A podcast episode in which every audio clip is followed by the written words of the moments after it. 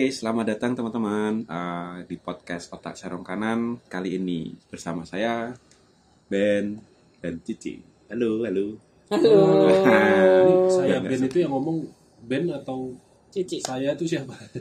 Saya tuh Marino. Saya tuh Marino, Saya benar. Marino. Gitu. Jadi Dan host saya bukan Cici. host sih. Bukan Putri ya tapi ya. Jadi Cici. Uh, Ciane. Oh iya. Itu kan jokes dari tanggapin lagi. Terima kasih Apa bukan. Putri? Iya, memang bukan. Dia Ben belum belum udah mutung. Iya dari kemarin loh aku yang jokes nggak ditanggapin. timingnya, Pak. Sih. Kita ngomongnya nggak boleh bareng-bareng loh. Iya, ngomongin Harus gantian. Oh iya. Betul. Oke, untuk kali ini kita akan bahas tentang kemiskinan. Ini susah.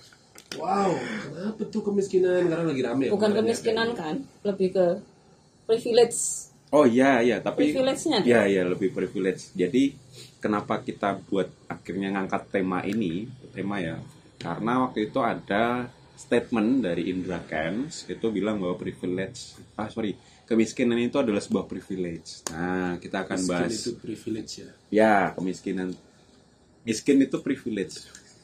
Nah ini memantik sih sebenarnya makanya aku pengen ngangkat dan teman-teman juga juga setuju. Kayaknya menarik nih kalau diangkat karena kayaknya relate buat orang dan teman-teman juga mungkin. Untuk orang miskin. ya para Seperti pendengar kami. ini kan kebanyakan teman kita tidak tidak seberuntung orang lain ya. Betul. orang lain kalau orang lainnya aku ya nggak beruntung juga. Jadi menarik sih ini makanya kita angkat begitu. Kita mulai dari mana dulu nih? Ini part satu ya Oh iya. Di part satu akan ada beberapa part nanti didengerin aja ya guys. oke siap Part pertama ini lebih ke membicarakan Yang memantik apanya sih gitu Iya, dari sih? Mhm. privilege. Nah, miskin itu privilege gitu.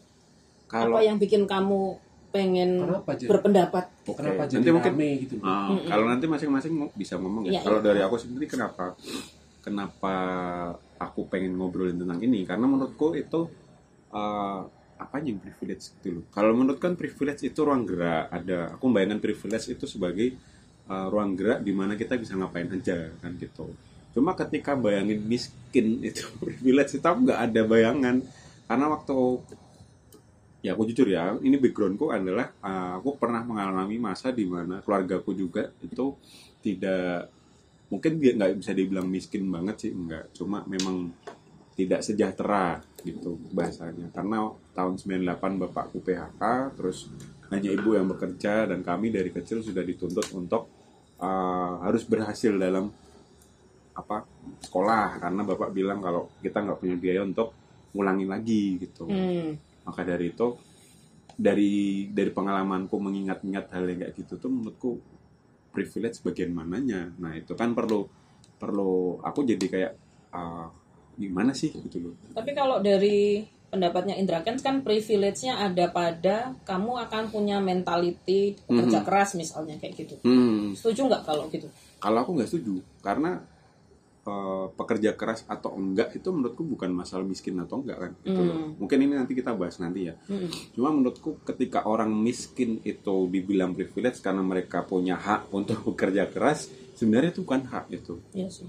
Itu tuh kayak kita harus makan gitu loh. Kita harus makan, harus survive dalam punya pilihan gitu ya. Iya, dan menurutku privilege itu kan pilihan. Ya walaupun pilihannya cuma dua, Bu. Kalau tidak bekerja, miskin itu sendiri kan harus bekerja atau nggak mati Mm-mm. begitu karena ketika aku mengingat lagi waktu aku kecil itu seperti itu kita memang dituntut untuk uh, beradaptasi sedemikian rupa sehingga aku dan mbakku tuh harus memanfaatkan semua hal yang ada kayak misalnya buku paket gak pernah beli kita harus cari ke muridnya ibuku yang mungkin sudah di atas Lulus, tuh ah, lungsuran gitu loh terus seragam itu aku nggak pernah jahit karena aku lungsurannya mbakku kecuali pakai rok ya Iya. jadi cuma jahit celananya aja jadi kalau baju ya pakai punya mbakku itu biasa sih menurutku cuma Ini gimana? sama kayak itu ya acara-acara di TV ya. Seberapa miskinkah Anda? Iya, kan biasanya kan kemiskinan, kita kemiskinan. Oh iya benar. Harga outfitmu berapa kan? Harga Kalau outfit nggak bisa pak. Pernah kan ngalami main ciduk di bak mandi, Nah. keluar udara, pernah ngalami odolnya dipotong sampai di tes terakhir, Aku nggak dipotong tapi ini loh apa? digulung sampai Digulung tapi sebelum digulung tuh dipenyetin pakai ujungnya sikat gigi gitu. Iya di dipenyetin biar di keluar. gosok kan? Iya. biar keluar semua gitu. Iya. ya aku juga sih. Dan mencet mencet pasta gigi itu nggak dari tengah pak. Ya, Dari nggak boleh. nggak boleh. Terlarang itu itu. haram hukumnya kalau di keluarga aku karena nanti jadi susah mencetnya. Haram itu. Harus dari ujung. Gitu. Terus kalau sampo kalau kamu pakai air ya? sampo iya. Kalau udah tinggal dikit dikasih air. Air. dikocok-kocok kan. Terus kalau dulu- enggak itu hand body yang kayak tube gitu dipotong. Itu kan oh iya iya kan, iya iya itu sudah dikoretin. itu kalau segitu aku masih ngelakuin sih. Iya. Untuk ya sabun muka. Ah iya kayak gitu kalau kan. sabun muka mesti tak potong jadi dua. Karena menurutku kalau dibuang dalamnya tuh masih ada sabunnya. Kalau aku sih kan- karena sudah pakai skartaji sudah ya nggak usah. Mungkin orang miskin lebih lebih lebih go green ya. Oh iya bener loh. Loh, Orang iya kan? miskin lebih go green antara kepepet atau emang ideologi ya. Loh iya kan Kan pak nggak itu boleh perlawanan loh itu melawan kapitalisme Eh, iya sih namanya iya Iya, miskin miskin aja. iya dia Yang nggak memaknai mikir mereka sebagai perlawanan kan orang yang lihat mungkin. ya. oh iya Betul, benar betul, benar betul. seperti menanam itu melawan ya. Iya. Oh, nanti kita ganti tema Ya, balik kita- lagi kita balik lagi fokus dulu Balik lagi. Seberapa miskinkah kalian sampai eh, mendengar pernyataan Indra Kents itu sampai jadi emosi, jadi sentimental sekali. bahwa Kalau aku ya, Eh, Kenapa sih? Kenapa sih jadi emosi? sebenarnya kalau miskin nggak juga sih. Hidupku tidak kayak Marino sih. Ya, miskin pun setelah nggak, miskin banget nggak maksudku eh, tidak merasakan susah gitu. Hmm. miskin setelah mandiri dari orang tua nah, itu miskin itu. Dalam artian Hmm. susah. Tapi karena anu ya bukan mengejar hidup sih. Aku sudah di titik mengejar gaya hidup memang. Dan nggak bisa? Dan nggak bisa tidak bisa seperti yang diinginkan maksudku Iya. tidak dalam artian survival banget yang harus mm, Hmm. Irit. apa irit banget gitu nggak juga pengeluaranku tidak di 1,9 dolar PPP Hmm. Nah, menurut kalian ketika membicarakan miskin adalah privilege, itu orang-orang langsung rame, langsung uh, cukup emosian di situ, maksudnya tidak terima dengan kata-kata tersebut. Itu emosiannya kenapa sih? kalau aku sih setuju sama Marino ya ketika disebut privilege Apanya? bukan privilege kemiskinannya ya Ah. kemiskinannya bukan privilege gitu apanya yang privilege dari kemiskinan gitu ya Kalau- karena- ah. bahwa itu menimbulkan efek ABCDE gitu misalnya seperti pekerja keras itu juga nggak semuanya deh kurasa Hmm. banyak juga kok orang miskin yang eh, bahkan mungkin malah memanfaatkan kemiskinannya gitu untuk mencari belas kasihan orang atau merasa layak dibantu itu kan juga berarti kemiskinan itu tidak menjadi pemicu dia untuk mengubah mindsetnya untuk menjadi pekerja keras gitu kan juga tidak bisa disebut privilege berarti juga. ini menarik sih tapi mungkin bahas di nanti mungkin Hmm. karena jadi lebih panjang nanti karena harus memahami kompleksitas kemiskinan Iya dan kompleksitas orang berprivilege gitu loh Mm-mm. kalau dari aku sendiri itu kayak kenapa aku sensi karena aku pikir kayak aku dari kecil tuh sudah susah kayak aku bayangin kayak eh, melihat. Karena waktu itu aku sekolah di sekolah karena ibuku guru jadi aku masuk ke sekolah yang cukup lumayan gitu loh. Nggak nggak terbuang banget Oh berarti ibumu di situ. ya guru di dan situ. aku punya ya mungkin privilege ya, karena ibuku sebagai guru tapi bukan karena kemiskinannya. Dan uangnya lebih murah kan bayarnya di situ. Nah aku melihat teman-temanku di situ tuh eh, dengan level yang berbeda yang jauh berbeda dari aku itu kayak tersingkirkan sih di situ. Kayak eh, secara sosial tuh bingung kalau anak kecil mau main kan. Itu tuh kayak kayak nggak kebayang gitu loh. Dan ngobrolan di kelas itu jadi tidak tidak nyambung karena temanku ngomongin PS misalnya WWE Smackdown aku nggak paham karena aku nggak nonton. Terus eh, banyak hal yang menurutku kayak waktu aku kecil juga kan eh, udah dibiasakan untuk jajan itu harus irit gitu loh. Sudah dibawain makanan bekal dan lain-lain gitu. Ya itu bagus sih. Cuma kan menurutku eh, bagaimana bisa itu disebut privilege ketika kita itu harus tetap hidup harus tetap jalan walaupun kita berdarah-darah jalan gitu. Bagian mana? Maksudnya kan itu menurutku itu bukan privilege ya. Maksudnya eh, aku tidak setuju masalah itu. Karena menurutku privilege adalah soal ruang gerak. Nah itu sih. Itu yang memantikku bahwa kenapa aku ngomong bahwa sebentar sebentar. Maksudnya eh, yang dimaksud privilege dari kemiskinan itu yang bagian mananya gitu. Iya. Gitu. So- Soalnya kalau aku uh, nangkap pernyataan Indra Kents Mhm. uh, ada mm, secara tidak sadar atau secara langsung tiba-tiba aku menyatakan persetujuan dengan kata-kata miskin Hmm. adalah privilege. Bukan berarti aku menafikan eh, kemiskinan bukan berarti Hmm. aku mengesampingkan kemiskinan iya itu penting itu Hmm. penting tapi ada benarnya kata-kata dia nah itu Hmm. kata eh, pernyataanku atau argumenku yang menyetujui Indra Kens itu yang susah diterima oleh banyak orang ketika aku bertemu dengan berbicara hal Hmm. hal itu ke Termasuk- banyak orang Iya, iya. termasuk Marino kan Mhm. Nah, makanya aku penasaran, ya termasuk eh, Ciana juga, makanya aku penasaran kenapa kenapa sih eh, kata-kata miskin adalah privilege itu segitunya memantik. Hmm. Karena pri- eh, kalau privilege seperti yang dikatakan Marino adalah ruang gerak, Mungkin Kemis- lebih ke trauma kemiskinan enggak juga sih. Kemiskinan itu kan membatasi ruang gerak sekali gitu. Iya, iya. Nah, aku takutnya Marino barusan mengatakan trauma. Takutnya ada ada trauma di situ eh, mengalami kemiskinan dan itu menyakitkan dan itu memang menyakitkan menjadi Hmm. miskin eh, tidak mampu memenuhi sesuatu yang dibutuhkan itu memang menyakitkan dan itu bukan sebuah privilege bagi Hmm. orang-orang yang pernah mengalaminya itu bukan sebuah privilege dan itu menyakitkan dan itu bisa jadi traumatik sehingga ketika kata-kata Indra Kens itu keluar dan viral Kepantik. itu kepanting Iya, bisa jadi. walaupun di sini disclaimer dulu ya Hmm. Eh, kami di sini membahas tidak untuk pro atau kontra terhadap Indra Betul, Kents betul, Iya. betul. terlepas dari statusnya dia itu apakah dia trader atau afiliator dan segala Nggak ada marutnya di hubungannya luar sama sana ya ini. Ya, Indah kan ditangkap pun ya nggak masalah. Gak masalah yang ingin kita bahas kenapa kata-kata miskin adalah privilege itu segitu besarnya efeknya segitu besarnya efeknya Kalau aku nyambungin lagi ya eh, untuk masalah kemiskinan itu ya kayak ya aku mungkin tidak miskin-miskin banget ya. Aku masih punya rumah, bersyukurnya masih punya rumah. Cuma masalah kebutuhan kayak pangan gitu, aku masih ingat di buku tiap hari Sabtu itu belanja itu pasti dan aku inget tahun 2000-an habis pokoknya habis krisis ekonomi kan 98 tuh itu kan masa perjuangan buat keluargaku karena di Balikpapan itu harga itu dua kali lipat dari yang di Jawa gitu. Kayak misalnya sayur itu bisa Oh, iya iya. kayak di sini tuh 3000 di sana 6000 Hmm. gitu loh. Dan dengan pendapatan yang hanya ibuku aja yang kerja itu tuh berat gitu loh. Maka dari itu mbakku itu dipaksa gitu kayak kamu harus sukses gitu loh. Dalam artian eh, dia tidak punya pilihan selain juara satu. Karena waktu itu eh, mbakku harus dapat beasiswa. Dengan dapat beasiswa itu meringankan ekonomi gitu loh. Nah resultnya adalah masalah. Ini ini ngomongin eh, nggak cuma masalah ekonomi ya. Orang harus sadar bahwa kemiskinan ini ambience ya itu bisa lebih banyak. Kayak misalnya mbakku jadi lebih ambisius gitu loh. Karena memang dia dituntut dipush. Secara psikis dia mungkin tidak siap untuk kayak gitu. Anak kelas 1 SD itu harus ngomong bahwa kamu harus sukses kamu harus eh, harus belajar terus sehingga dia memilih untuk eh, nggak pernah nongkrong sama temannya atau tidak kenal sama temannya nah ketika dia SMA dia pernah cerita sih sama aku. Dia tuh kayak susah untuk berkenalan sama orang lain gitu loh karena memang sudah didesain bahwa dia jadi robot gitu loh. Hmm. itu kayak uh, menurutku ambisiusnya mbakku yang akhirnya juga turun itu gara-gara kemiskinan menurutku karena emang dia dipaksa seperti itu. Sedangkan aku enggak karena ketika aku uh, SD itu itu tidak mengalami hal yang sama. Ya mungkin hal yang sama cuma tidak tidak seberuntung tidak seberuntung sama mbakku sih itu itu sih ini aku.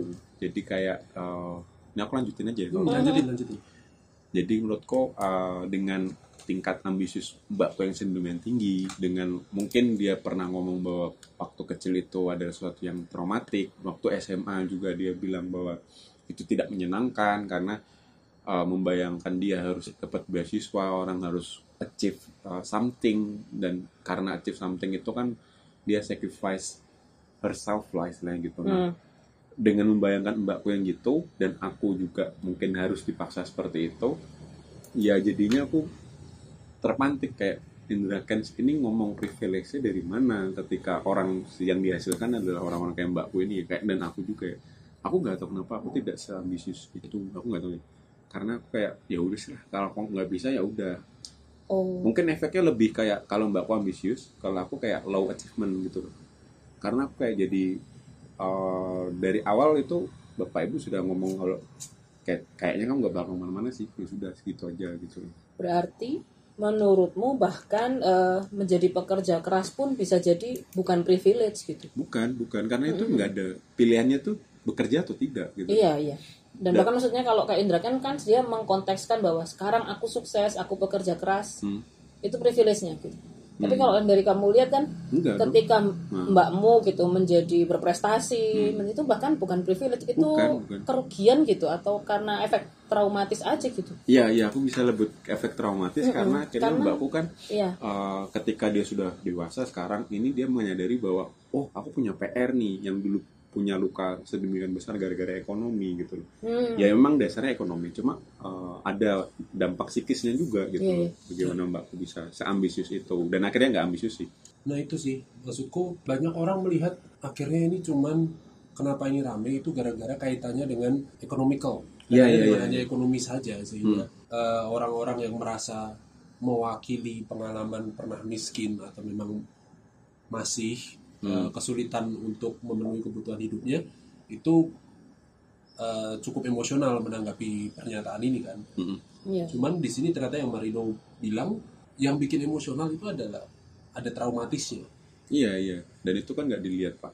Karena Berarti kan Hmm. emang miskin tuh kita tidak hanya bisa melihat dari satu sisi ekonomikal saja ya. betul Kita betul. mau terlepas dari jaring-jaring ekonomi Ya yang ya. semua orang selalu membicarakannya akhirnya masalah ekonomi. Mm. Bahkan mungkin Indra Ken sendiri mengucapkan itu dan membuat buku uh, Miskin berjudul itu miskin privilege. adalah privilege itu juga demi uh, apa acuan ekonomi, pancingan ekonomi supaya Hmm. orang-orang yang mengalami masalah ekonomi mengikuti jejak dia Hmm.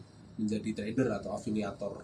Tapi yang ingin kita lihat kan ketika ini menjadi sebuah masalah berarti bukan hanya masalah ekonomi saja, Hmm. ada masalah traumatis, ada masalah emosional, masalah psikis. Hmm. dan Oh, ya paling paling dalam psikis sih, karena aku aku jadi inget eh, ngomongin bukunya Indra kan, dia kan se- disebut, aku lihat di YouTube-nya sama Gilang Dirga ya, oh iya. Ya, yang dia dia kan- jadi kayak marketing bukunya itu. Ya, terus dia kan ngomong di apa balik bukunya itu kan di halaman belakang sendiri. Itu kan dia bilang bahwa karena aku udah hidup susah dan aku anak pertama, dia bilang gitu kan, maka aku jadi orang yang menyelamatkan eh, keluargaku dari kemiskinan. Itu kayak seems heroik banget, tapi sebenarnya pada kenyataannya nggak selalu seperti itu, Pak. Karena pilihannya itu cuma ada dua. Kamu jadi traumatis kayak seperti mbakku, dia anak pertama, perempuan, dan dia harus sukses, atau kamu bunuh diri. Karena tidak banyak orang yang bisa survive dari tekanan yang menurutku gede banget gitu loh. pilihannya bertahan hidup atau bunuh diri ya, Iya, bertahan hidup atau mati akhirnya ya. Iya, jadi se- sedekat itu. Jadi menurutku ketika Indra Kens ngomong bahwa kan dia istilahnya kan itu buku motivasi kan. Apa yang maksudnya dimotivasi? Apa gitu?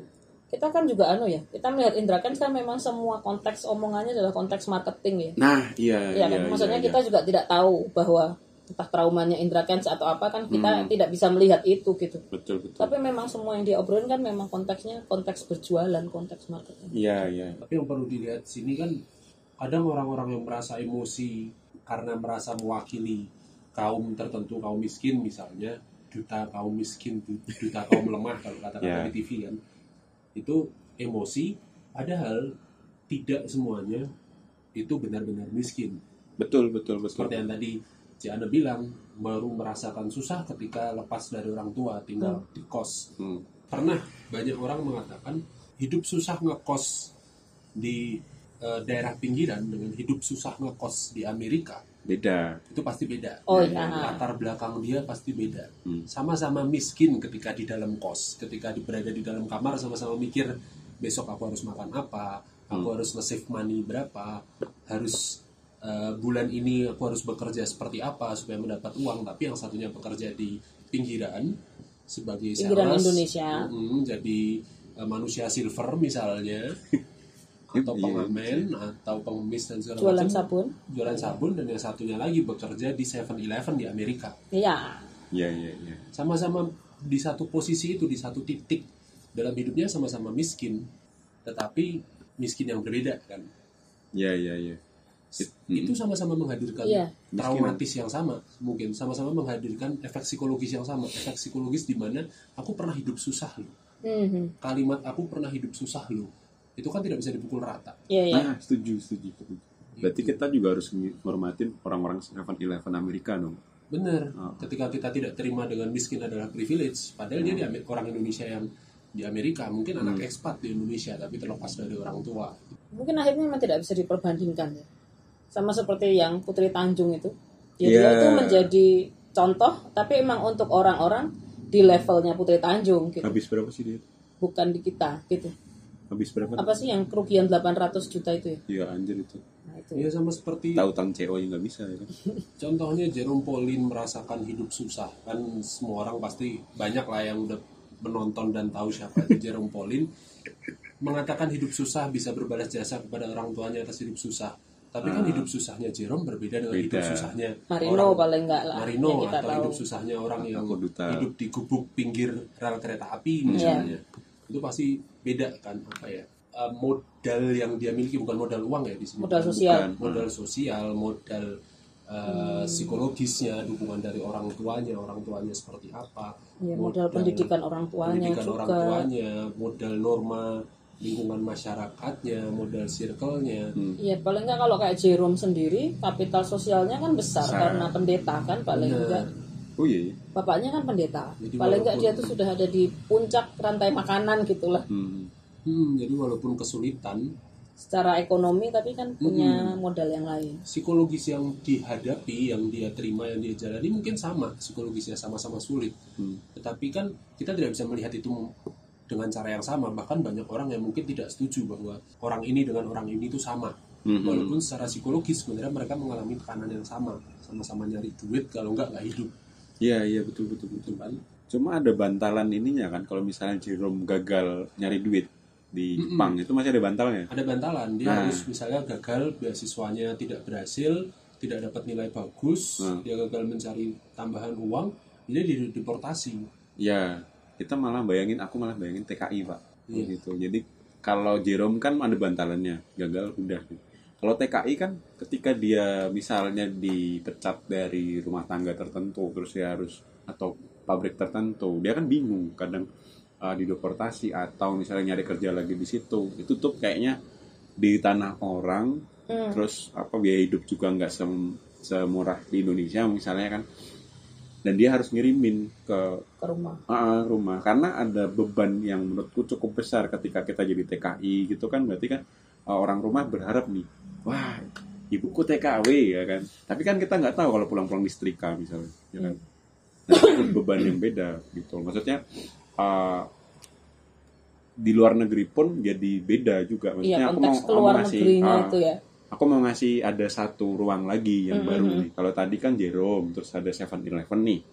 Nah ada lagi yang orang-orang TKW dan TKI yang menurutku juga tidak beruntung dalam rantai makanan gitu loh. aku rasa selain ruang gerak tadi privilege itu ya bantalan itu tadi Ya itu. eh bantalan atau izin untuk kita bisa gagal Nah betul betul betul. Itu, itu bagus tuh. Iya. Izin untuk bisa gagal. izin Ya untuk bisa license gagal to fail lah istilahnya. iya Bahwa dan kamu gagal nggak apa-apa. di situ gitu Dan aku nggak ngalamin itu. Jadi kemungkinan ketika orang gagal pun berbeda-beda. Hmm. Ketika orang mengatakan jatuh 100 kali selama bisa bangkit lagi itu bagus. Mm-mm. Tidak semua orang bisa jatuh 100 kali. iya tidak Jadi semua jatuh orang yang bisa. kedua kalinya sudah mati dia. ya kayak cerita dari Iya kan? Marino kan dia Iya. tidak ada izin untuk jatuh sama sekali gitu Nggak boleh. nggak boleh bisa menjatuhkan seluruh keluarga gitu Nah, aku jadi inget, eh, jadi waktu aku kelas 2 SMA, itu kan aku mutusin jadi, untuk tidak jadi romo, ya kan.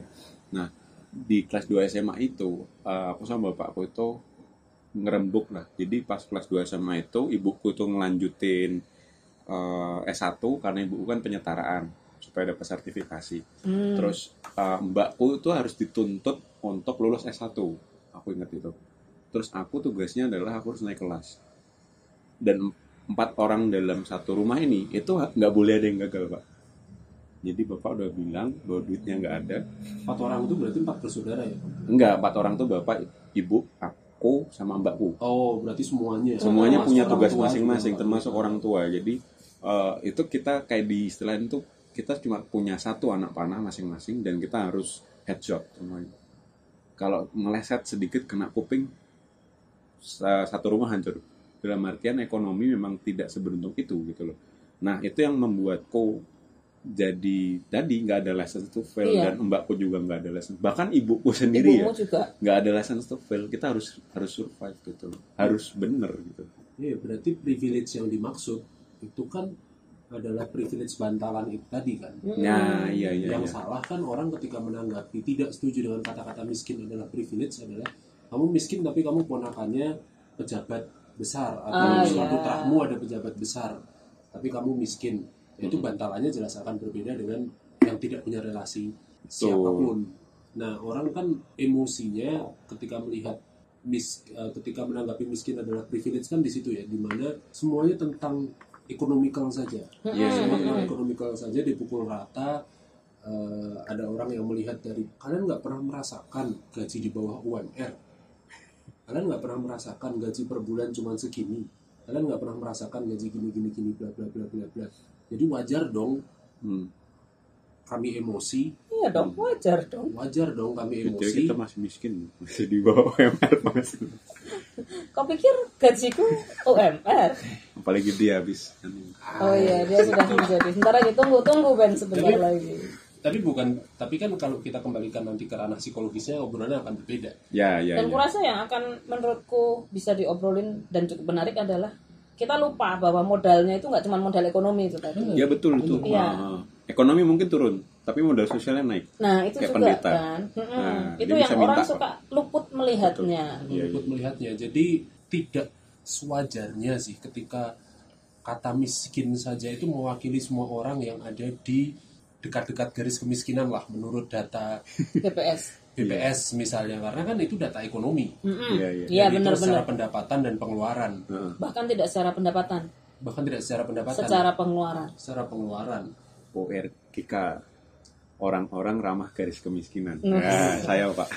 Nah, garis kemiskinan. Kan Pengeluaran- ramah gitu ya. pengeluaran minim tapi dia anaknya siapa gitu. Jadi di rumah selalu terjamin ya apakah dia dimaksud mi- miskin kan juga enggak Iya iya. Mungkin kayak ini sih kayak kalau di Jogja itu kan kayak ada kepala dusun itu kan dia pasti dapat aset nih Iya. gitu atau secara sosial juga nggak mungkin miskin kan gitu karena memang dia sudah disokong gitu. Jadi iya bener orang yang kadang tuh orang luput dia bahwa ini ekonomi bahwa ada lagi sisi Hmm. lainnya. Ya seperti kita di Jogja, ekonomi lemah tapi kan kita mau tidak mau jadi memperbesar modal sosial gitu Ya kan harus harus karena uang datangnya dari, Dari teman itu, kan. dari teman betul. Pekerjaan datang dari teman. ada yang mengatakan di Jogja itu hidup lebih murah lebih gampang karena Enggak, nyari iya sih. Enggak. nasi ayam harga di bawah 5000 Hah? Nggak kok? ada dong. nasi Ada. Nasi telur di bawah 5000 Enggak ada deh kayaknya sekarang ada makan kan nasi juga. di bawah lima ribu. makan nasi di bawah 5000 ada Nasinya doang, ada. lauk yang kamu ambil kan dan tergantung warung di mana kamu Iya sih. ambil Itu- ada beberapa orang mengatakan di daerah sekitar Sewon sana misalnya Oh, iya, di daerah iya. sekitar Itu kan daerah-daerah bukan tertentu Jogja. Telur tiren gitu. ya. hmm, itu kan ada Jogja masih bisa menemukan harga-harga yang murah Memang anu sih, harga di dalam ring road dan di luar ring road itu bisa beda jauh. Concat di luar ringgut sama Bu. Jangan kalau Sleman. Oke itu. Jadi intinya yang ingin kita bahas tentang kemiskinan kan bukan melulu soal Ekonomi. ekonomikal gitu. Supaya tidak terjatuh kepada eh, ya obrolan part 1 ini mungkin tidak jauh berbeda dengan obrolan-obrolan di luar sana lah. Nah, di mana orang-orang mendukung mengenai Privilege atau bukan. privilege atau bukan mengenai kemiskinan. Karena orang hanya melihat dari sisi ekonominya. ekonominya saja. Nanti berikutnya ki- kita gali lebih dalam. kita gali lebih dalam supaya kita bisa tahu sebenarnya ini bisa pro atau kontra sih kata-katanya Indra Kens ini Atau jalan tengah. atau jalan tengah Nah, Atau karena jalan kita nggak mau dua doang karena pilihan. tidak mau dua doang Kaki seribu pak. kaki seribu Oke. Oke, begitu dulu untuk part 1. Kita lanjut ke part 2. Tetap dengerin di otak serong kanan.